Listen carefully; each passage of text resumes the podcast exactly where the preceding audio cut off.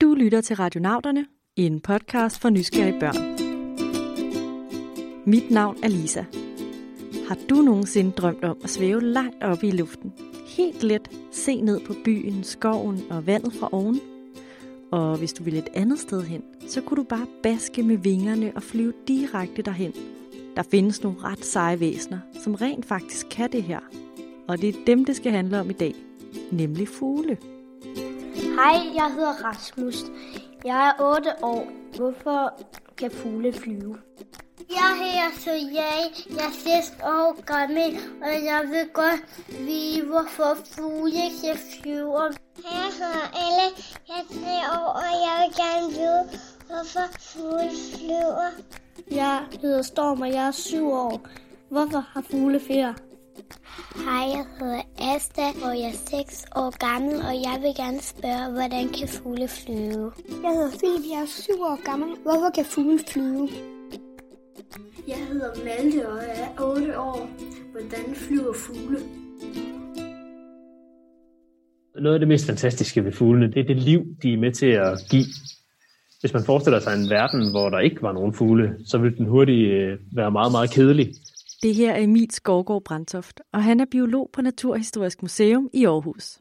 Og når han er fri, kan I så gætte, hvad han laver? Jeg kigger rigtig meget på fugle. Det er nærmest øh, det, jeg laver allermest, når jeg har fri. Og det er virkelig heldigt, at Emil så tit har sin kikkert rettet mod fuglene, for så kan han hjælpe os med at blive meget klogere på de fantastiske flyvende væsener. Det helt store, sådan tydelige tegn på, at det er en fugl, det er, at den har fjer. Øh, Fuglene er den eneste dyregruppe i verden, som har fjer. Så øh, hvis man ser et dyr med fjer, så er det en fugl. Så måden, du kan kende en fugl på, er altså, at den har fjer. Så selvom en flagermus har vinger og kan flyve, er det ikke en fugl, for den har ikke nogen fjer. Og selvom et næbdyr har et næb, så er det heller ikke en fugl, for den har ikke nogen fjer. Og de her fjer, som er helt unikke for fugle, er altså ret seje. Jamen en fjer er sådan set et helt utroligt avanceret hår. Pattedyrene for eksempel, ligesom os selv og ligesom hunden hjemme i sofaen eller kaninen i kaninburet, vi har hår. Og man kan sige, på fuglene, der er hårene blevet til fjer. Øhm, de er lavet af det samme materiale, et stof, der hedder keratin. Og fjerne, de består så af det, man kalder et skaft, som er øh, den der hårde ting inde i midten af fjeren. Og så er der en masse stråler, kalder man de der sådan enkelte små bitte tråde i en fjer. Fuglenes fjer er altså lavet det samme som hårene på dit hoved, men hvor hårene på dit hoved måske bare kan bruges til at klippe en sej frisyre, så kan fuglen både bruge sin fjer til at se sej ud, men også til at klare sig i alt slags vejr. Aller yderst sidder dækfjerne. Dækfjerne, de har den funktion, at fungerer lidt ligesom en regnjakke. Når det regner på fuglen, så løber vandet af. Og indenunder dem er der nogle mindre fjer, som er dun, som er med til at, at sikre, at fuglen kan holde varmen og sådan noget.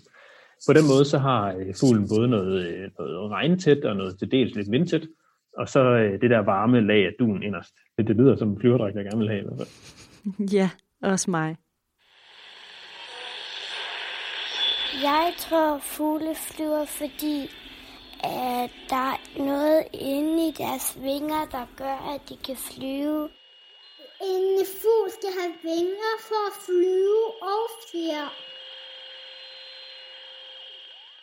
Udover dækfjerne og dunene, der giver en dejlig lun og vandtæt flyverdragt, sidder der også nogle andre fjer på fuglen, som der nok er mange af jer, der godt kunne tænke sig at have siddende på jeres flyverdragter.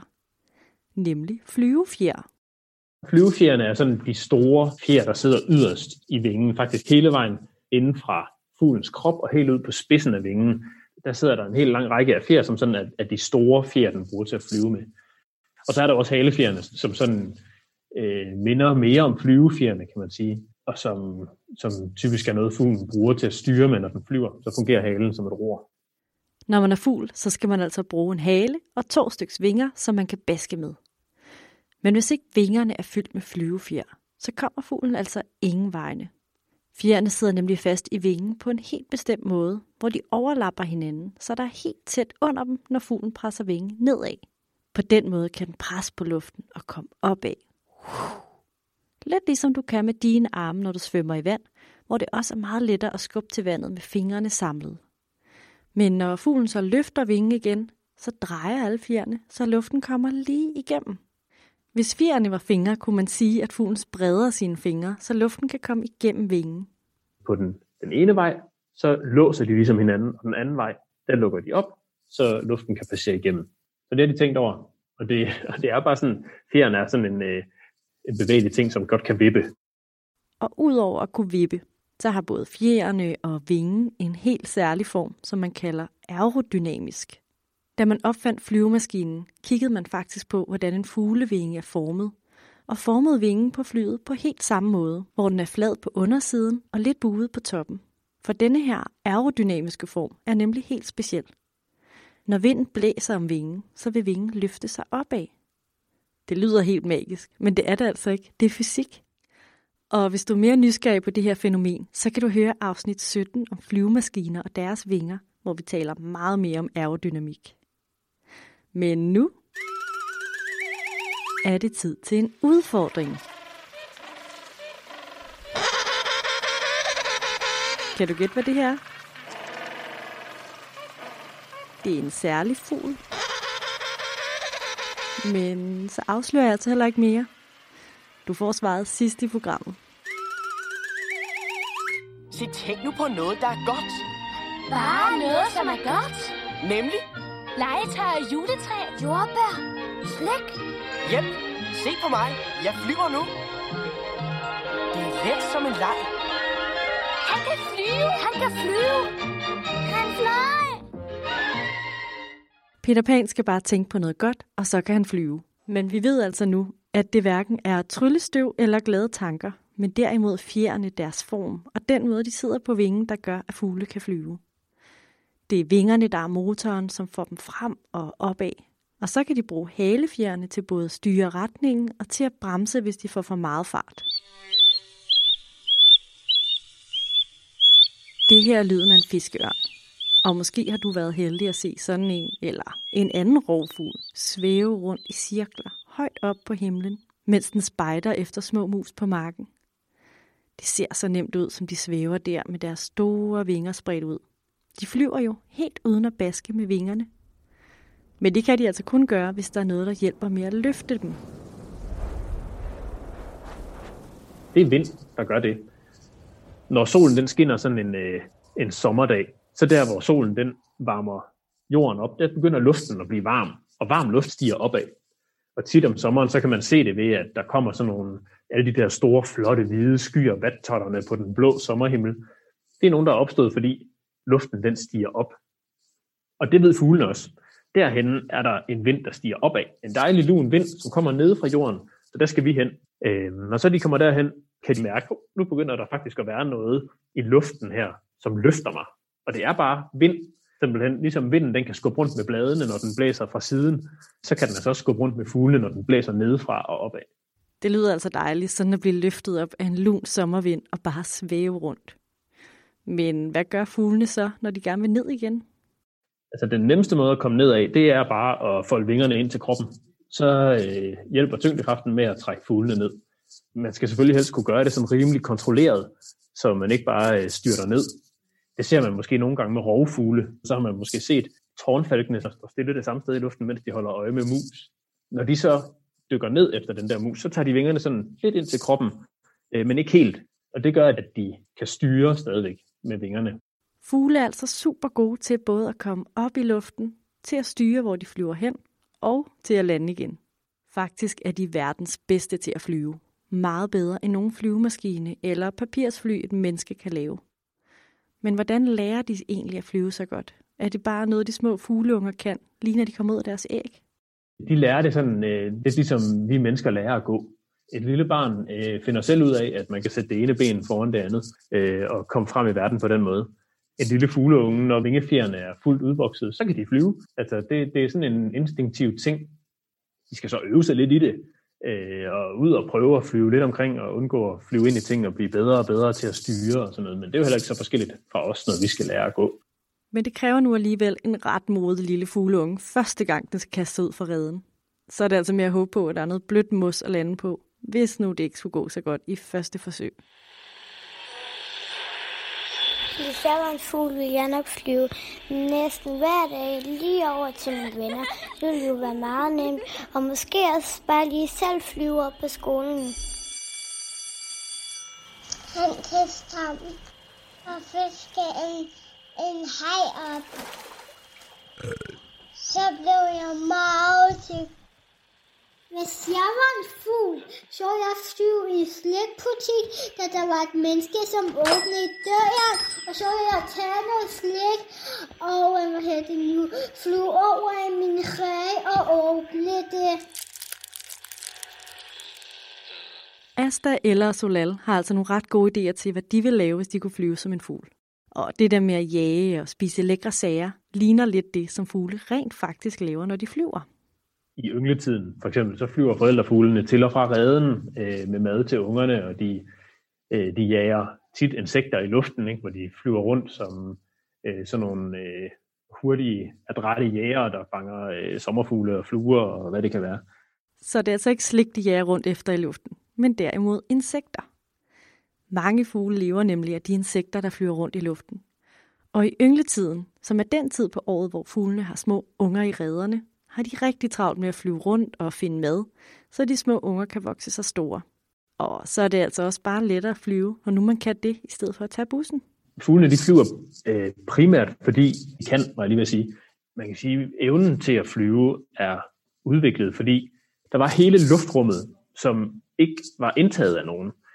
Og det gav øh, adgang til alle de mange insekter, for eksempel, der flyver rundt i luften, som man ikke kan nå, hvis man øh, hopper rundt på jorden.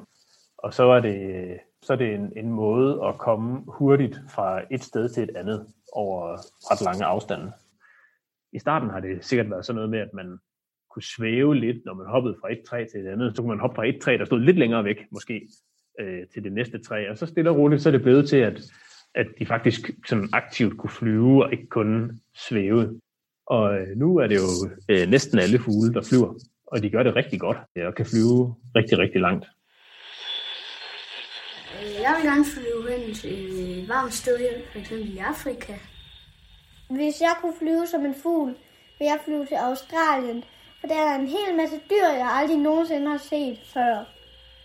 Jeg vil jo flyve op over sådan skyerne, og så vil jeg kunne kigge over hele verden. Ja.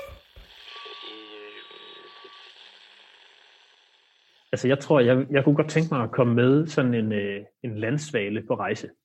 Malte, Storm og Philip drømmer altså om at kunne rejse langt væk fra Danmark. Og sådan en rejse kunne jo være den, en landsvale tager, som Emil gerne vil med på. Så lad os da finde ud af, hvor den tur går hen.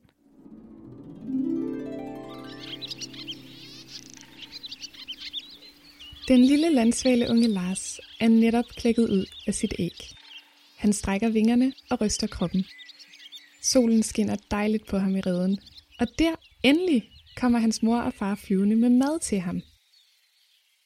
Det er vigtigt, at landsvalen Lars spiser godt, for i løbet af det næste år skal han på en fantastisk, men også hård rejse. En dag, hvor Lars så ud af redden. Han basker med vingerne, og han flyver. Han flyver ud over grønne skove, fjorde og søer, hvor folk bader. Sikke mange lækre insekter, han kan spise her. Men da sommeren er ved at gå på held, er der ikke mange insekter tilbage. Så Lars vender næbet mod syd. Nu går turen hele vejen ned gennem Europa. Ud over Middelhavets store blå bølger, ned over Saharaørkenen. Og til sidst kommer han frem til Sydafrika. Her er der dejligt lunt og masser af insekter, han kan mæske sig i, og en masse andre fugle, som han aldrig før har set. I Sydafrika flyver Lars rundt i en måneds tid, og så begynder han at flyve nordpå igen. Tilbage over floder, hen over den store ørken. Nu flyver han over Spanien, og se, det er Eiffeltårnet i Paris.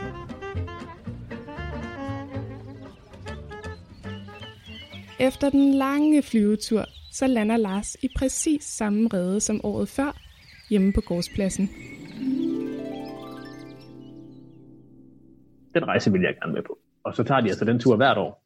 Det bliver altså rigtig mange kilometer på de små vinger, og øh, hvis bare de kunne fortælle om alt det, de oplevede undervejs, det ville være fantastisk. Ja, tænk at kunne tale med en fugl efter en af deres lange rejser. Og så kunne man jo også spørge dem om, hvorfor de egentlig flyver så langt væk fra Danmark. Desværre kan vi mennesker jo ikke tale med fugle, men heldigvis kender Emil svaret på det spørgsmål. Det handler om mad. Der er rigtig mange af fuglene, som lever af insekter. Og her i Danmark, hvis man øh, kigger ud sådan en, en vinterdag i februar, hvor der ligger sne, så er der ikke ret mange insekter. Så hvis man lever af insekter, så er Danmark et skidt sted at være om vinteren. Øh, det er faktisk så skidt et sted at være, at der er nogle fugle, som flyver hele vejen til øh, den tropiske del af Afrika, nede syd for Sahara-ørkenen, for at være der om vinteren i stedet for. Der er meget varmere, og der er mange flere insekter, man kan spise. Og det var altså også det, landsvanen Lars gjorde. Når fugle flyver langt væk fra deres redder om vinteren, så siger man, at de tager på træk. Nogle gange samles de i store flokke for at flyve sammen. Måske du om efteråret har set nogle store flokke af for eksempel gæs komme flyvende hen over himlen. De er altså på vej et sted hen, hvor det er nemmere at finde mad om vinteren. Men hvis der er så dejligt mange insekter nede syd for Sahara, hvorfor bliver fuglene så ikke bare dernede? Hvorfor flyver de hele vejen tilbage til Danmark om sommeren? Men det handler om, at der er, at der er rigtig meget konkurrence om maden, øh, når de er kommet til Afrika. Man skal tænke på, at alle de fugle, der, øh, der bor i Europa og faktisk også noget af Asien, de flyver til Afrika om vinteren. Så de kommer fra de der kæmpe store landområder og koncentrerer sig på nogle ret små områder i Afrika faktisk. Fugle fra hele verden vil altså rigtig gerne have næbet i insekterne i Afrika om vinteren. Og det er der lidt træls at skulle konkurrere med alle de andre om maden. Så når det bliver forår i Danmark igen, vælger nogle af fuglene at flyve hele den lange tur hjem til Danmark, for i ro og mag at kunne finde lækre insekter til deres unger. Men det er altså noget af en tur at tage.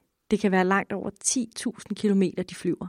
Hvis du skulle gå en tur, der var lige så lang, ville det tage tre måneder, hvor du bare gik og gik og gik og gik, dag og nat, uden pause. Og på sådan en tur skulle man jo nok hive et kort eller sin GPS frem mange gange for at finde vej.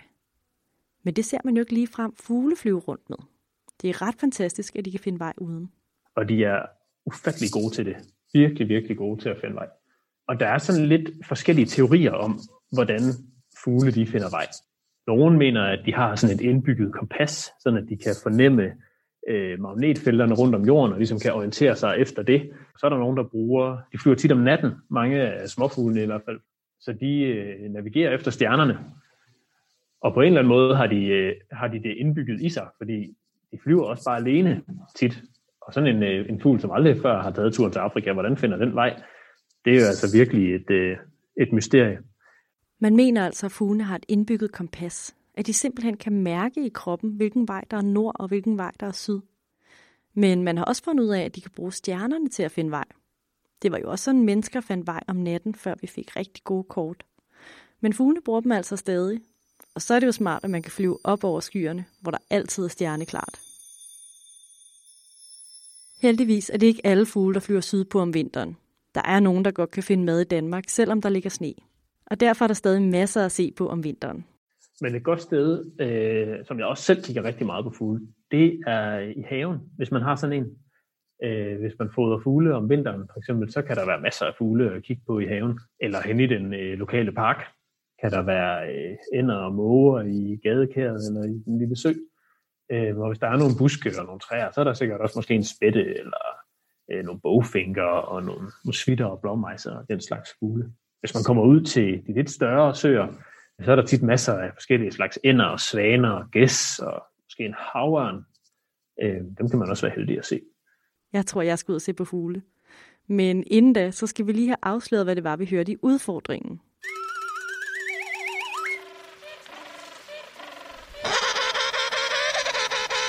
Det er lyden af en pingvin. Det lyder lidt sjovt. Men en pingvin er altså en af de fugle, der ikke kan flyve. Det er nemlig ikke alle fugle, der kan det. Faktisk findes der 60 fuglearter, som ikke kan flyve. Men i alt findes der omkring 11.000 forskellige slags fuglearter. Så de allerfleste kan altså godt flyve. Og hvis jeg kunne flyve som en fugl, ville jeg svæve rundt med en stor havørn på en af de der lune sommervinde. Du kan jo tænke over, hvor du vil flyve hen, hvis du kunne flyve som en fugl. Vi vil gerne sige tak til Ella, Solal, Rasmus, Storm, Asta, Philip og Malte for at sende os på en højt flyvende mission. Og tusind tak til fugleeksperten Emil Skovgaard Brandtoft fra Naturhistorisk Museum i Aarhus. Husk, at I kan finde os på vores hjemmeside radionauterne.dk på Facebook og Instagram. Tak fordi I lyttede med.